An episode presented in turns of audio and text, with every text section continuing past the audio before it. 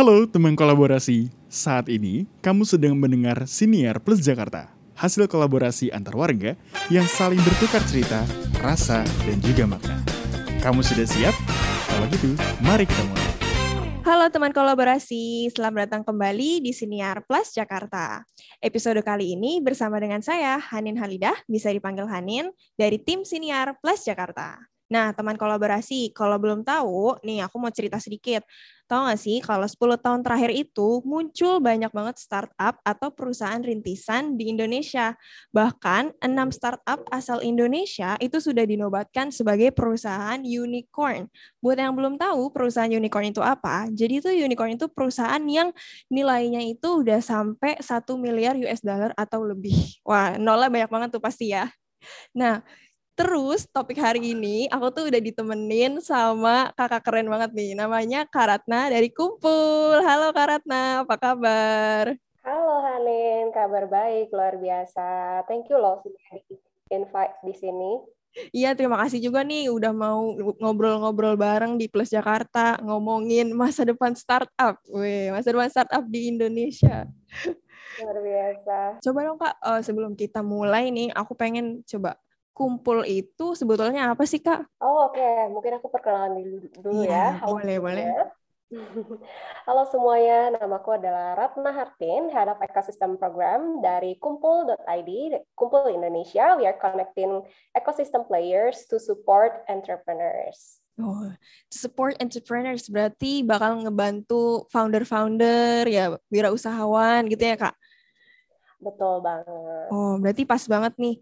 Karena ternyata aku juga baca tuh Kak kemarin kalau di Indonesia, apalagi mungkin semenjak pandemi ya, banyak banget yang punya cita-cita untuk memulai atau ngebuka usaha sendiri. Katanya sih peluang lebih suksesnya terbuka lebar gitu, Kak. Nah, kalau menurut Kak Ratna, kira-kira apa sih Kak yang nyebabin minat berwirausaha anak muda di Indonesia ini jadi tinggi gitu? Oke, ini pertanyaannya minat ya. Aku bahasnya minat dulu iya, ya. minat dulu. Um, betul. Min, uh, minatnya pemuda untuk berwirausaha itu benar tinggi. Mm-hmm. Dari 100 pemuda, ada 81 pemuda yang berminat wirausaha. Kenapa? Karena mereka punya persepsi kemerdekaan. Hmm. Ada dua kemerdekaan yang dianggap uh, akan didapatkan ketika mereka berwirausaha. Yang pertama adalah kemerdekaan waktu dan yang kedua adalah kemerdekaan finansial dari kemerdekaan waktu kalau jadi uh, pengusaha nih kita bisa jalan-jalan kapan aja, bisa tidur kapan aja, makan kapan aja, bisa pensiun kapan aja semau kita. Itu umur 30 40 kalau udah sukses sebagai pengusaha kenapa enggak? Dan yang kedua adalah kemerdekaan finansial. Kalau kita jadi uh, wirausahawan, persepsinya adalah kita sebagai owner bisa digaji berapa aja tergantung kita. Kan kita yang punya. Hmm dan kita juga bakalan be bakalan bebas dipecat dari perusahaan. Itu persepsinya itu muncul dua persepsi kemerdekaan tadi itu muncul karena uh, sebenarnya ada bias information sih, Mbak Hanin. Um, mereka kan hanya melihat apa yang ditampilkan oleh media ya. Enaknya aja uh, gitu ya. Hmm, betul, enaknya aja. Terus kalau ada uh, Forbes nih orang terkaya di dunia, pasti semuanya pengusaha gitu. Makanya mereka tuh sebenarnya um, tujuan utamanya adalah kemerdekaan yang um, mereka lihat secara bias. Fantasi gitu. aja gitu. Betul. Sebuah penelitian di uh, Youth Collab UNDP tahun 2019 uh, mengatakan bahwa dari 100 uh, anak muda, 81 pemuda berminat wirausaha, tapi hanya 8 pemuda yang benar-benar memiliki bisnis dari eh, dari 81 itu. Mm -hmm. Jadi cuma cuma 8 pemuda aja yang punya uh, bisnis. 80 uh, 81 mau berarti kan ada sekitar 70-an persen yang sebenarnya cuma mau aja sih. Jadi sebenarnya hal ini menunjukkan bahwa ada masalah nih di ekosistem kewirausahaan di negara ini. Nah, itu nanti ekosistem startup atau ekosistem wirausaha. Nah, nanti kita bakal bahas lebih dalam lagi ya, Karatna ya. Nah, kalau gitu aku mau nanya lagi nih, Kak. Tadi kan emang niatnya ada, planningnya ada, tapi eksekusinya kurang. Nah, biasanya apa sih Kak kesalahan yang umum dilakukan sama anak muda yang baru mulai atau merintis usaha ini? Nah, ini menarik nih. Dan berhubungan sama tadi uh, poin yang pertama tentang hmm. persepsi. Karena kesalahan yang paling utama adalah persepsi tadi. Karena mereka pikir enak-enaknya aja. Iya. Gitu. Jadi mau bebas-bebasnya aja dan mereka pikir tanpa ilmu, tanpa usaha yang uh, keras yang malah mereka bisa sukses jadi wirausahawan. Jadi itu yang pertama adalah persepsi.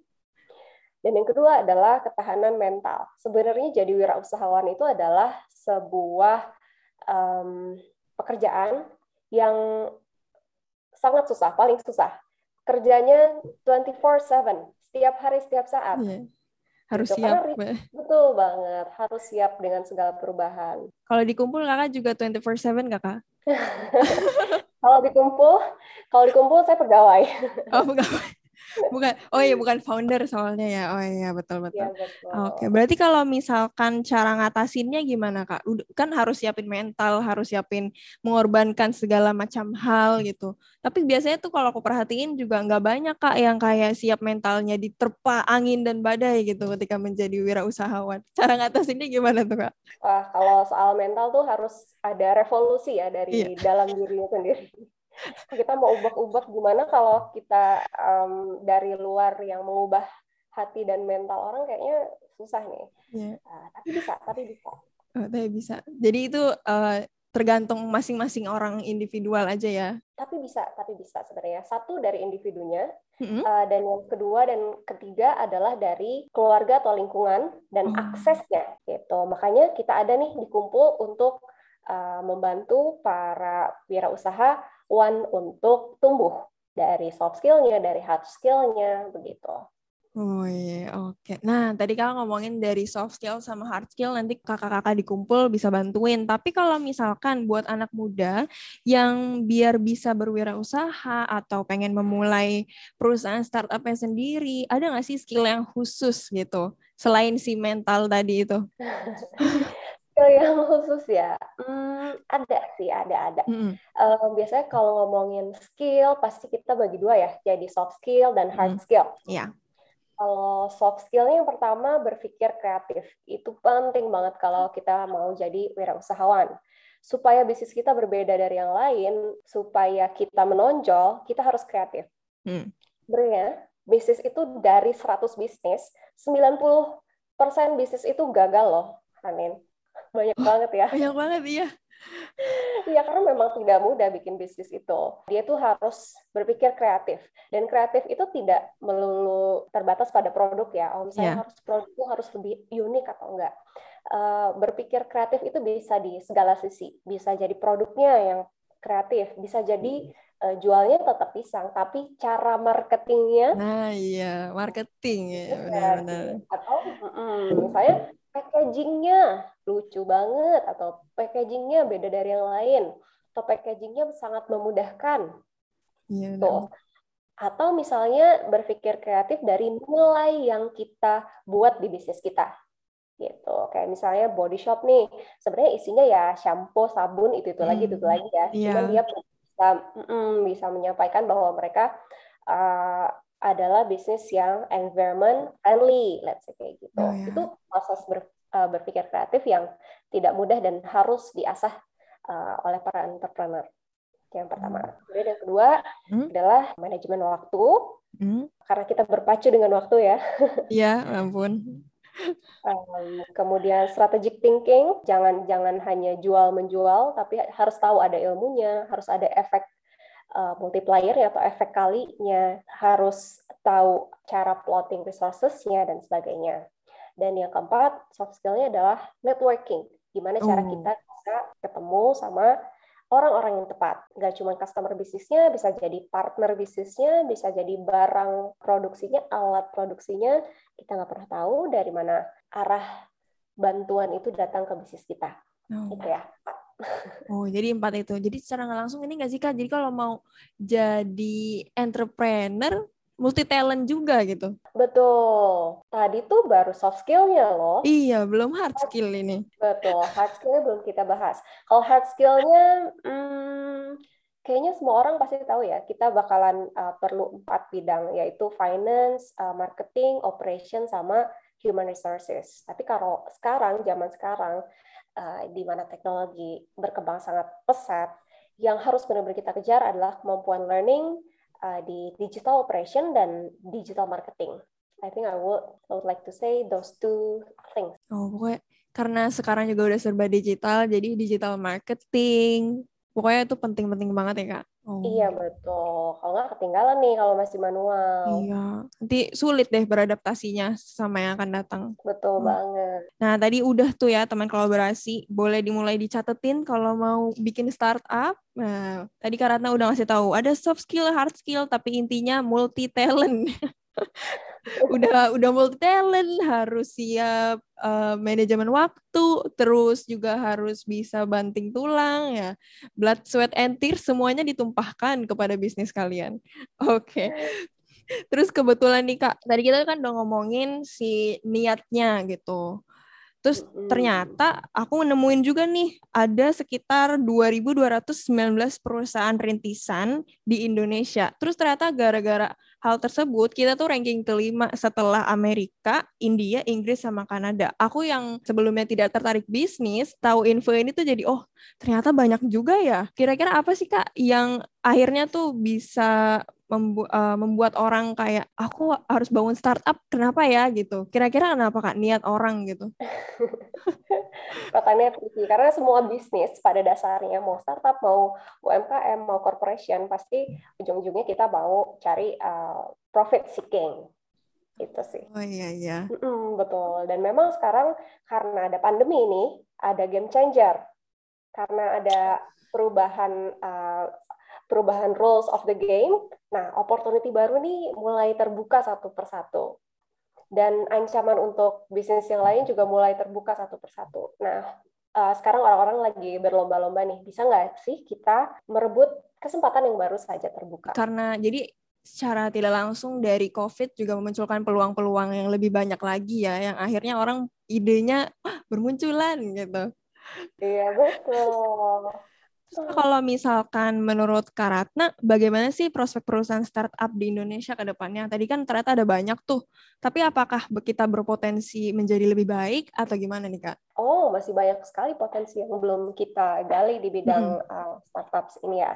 Uh, di Indonesia aja, di startup ini kan sebenarnya identik sama teknologi ya. Iya. Dan sekarang tuh posisinya di Indonesia, jumlah orang yang sudah terconnected dengan internet itu baru 73 persen. Jadi sebenarnya kita masih ada nih sisa sekitar 26 persen yang belum kita tap uh, untuk internet usernya. Internet user kan sebenarnya market juga kan. Iya. Nah, ini tuh sebenarnya terus tumbuh.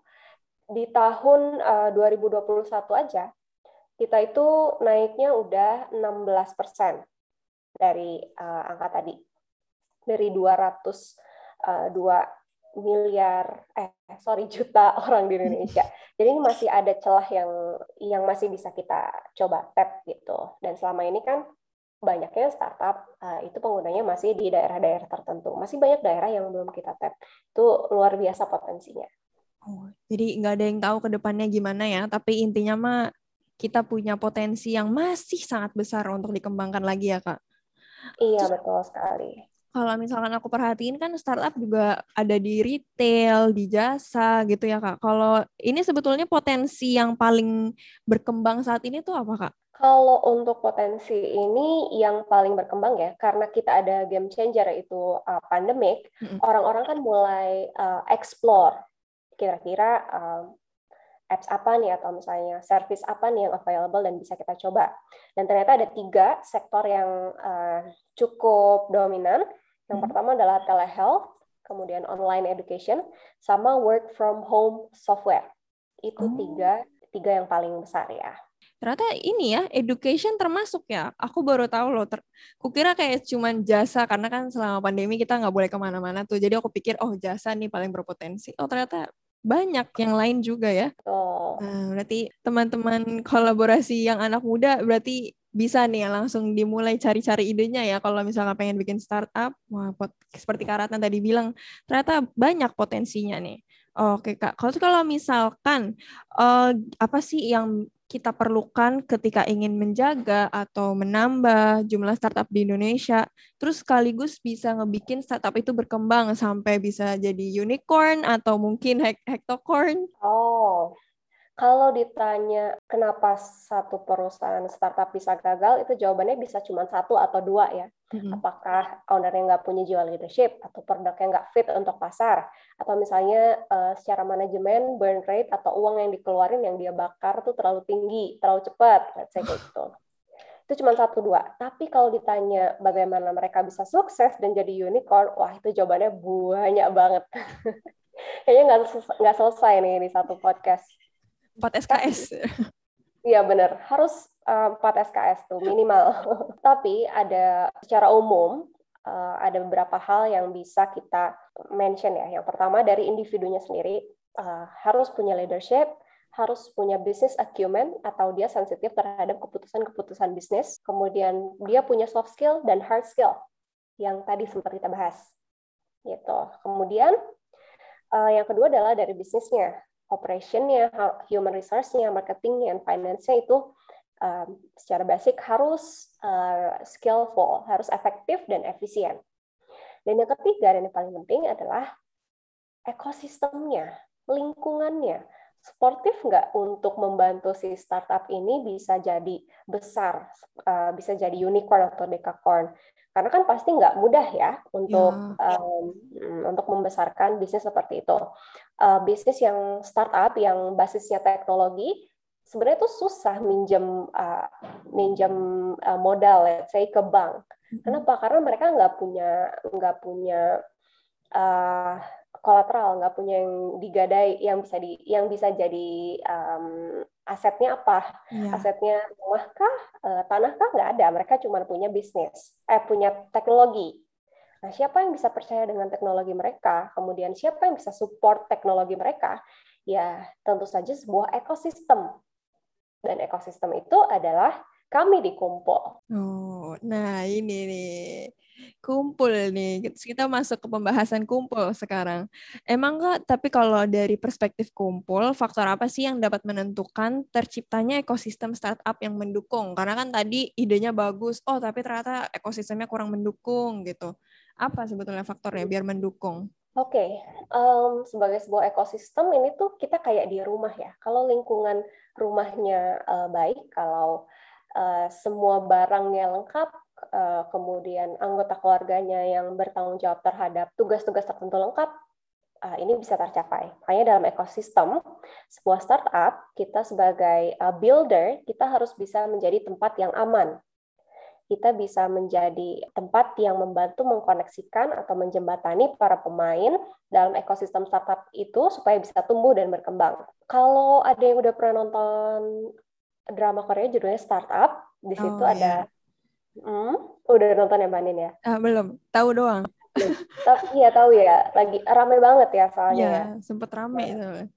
Hmm, di situ ada yang disebut dengan sandbox, di mana di mana dalam sebuah box itu ada ada pasirnya. Kalau kita jatuh di situ, kita nggak bakalan sakit karena anyway jatuhnya di pasir, jatuhnya di um, jatuhnya di kasur ya kalau di rumah. Yeah. Nah kita uh, ingin bikin sistem itu tuh yang pertama kita harus jadi tempat yang mengkoneksikan orang-orangnya, eh, orang-orang dalam ekosistem ini dan jadi tempat yang safe untuk mereka. Caranya gimana?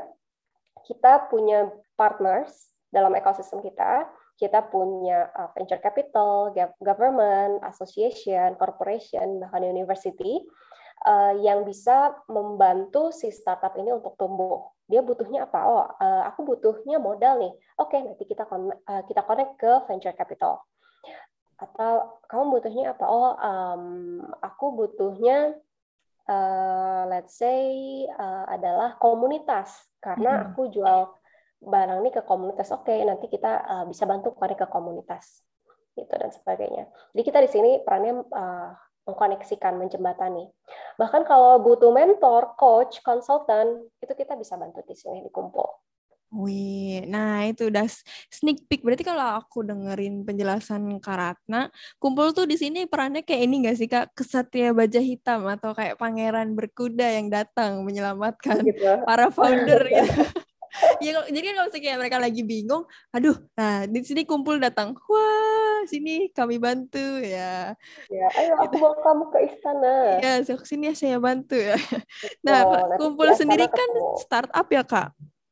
eh, sebetulnya ekosistem apa sih yang telah atau sedang atau mungkin ingin dibentuk oleh si kumpul itu sendiri? Oke, kalau di kumpul kita itu punya role utama. Yang pertama adalah eh, kita program owner dan initiator. Jadi kita bikin program-program uh, dalam tanda kutip sekolah untuk si startup belajar. Gitu. Kemudian yang kedua kita jadi konektor kita hubungin oh kamu butuh apa? Kamu anak sekolah kan biasanya butuh ah aku butuh mau belajar tentang tentang bunga. Oke kita nanti cariin bunganya. Let's say kayak gitu. Uh, kemudian kita juga jadi program enabler dan program distributor. Uh, let's say pemerintah ingin lebih banyak startup kita bantu pemerintah untuk bikin uh, untuk bikin program yang sesuai dengan harapan mereka. Atau misalnya kita butuh ini, uh, misalnya mereka butuh apa ya help dari sisi coaching financing, nanti kita bisa bantu mereka. Tuh. Dan kemudian kita juga ekosistem player aggregator. Makanya di kumpul yang kita kerjain uh, bentuknya adalah inkubator, accelerator, capacity building, mentoring, business matching. Kemudian kita juga distribute program-program gitu. Jadi kita adalah tempat berkembang, belajar, berkoneksi. Oh, kalau misalkan, misalkan, misalkan aku ya, aku ambil contoh aku, aku pengen, aku pengen bikin startup, tapi aku nggak punya ide. Itu apa kumpul masih bisa bantu atau aku harus punya ide dasar dulu? um, secara umum di mm -hmm. kumpul ini kita ada banyak program dan banyak tahapan. Mm -hmm. Gitu. Jadi entrepreneurs dari segala sisi, dari segala level sebenarnya bisa join ke kita. Uh, nanti bentuknya pasti customized sih, uh, apakah di program tertentu atau misalnya dimasukin um, sebagai enablernya, atau bahkan kalau misalnya kita udah jadi uh, CEO startup yang top-top banget, yang udah mm -hmm. jadi CEO unicorn, kita juga tetap bisa uh, kolaborasi sama kumpul sebagai coachnya, sebagai mentornya. Gitu. Jadi kita adalah tempat bertemu dari uh, semua level dalam entrepreneur. Jadi teman kolaborasi yang ingin bikin startup dikumpul sangat di welcome, di selamat datangkan jika ingin belajar ya berkoneksi buat bikin startup, berbisnis ya kak.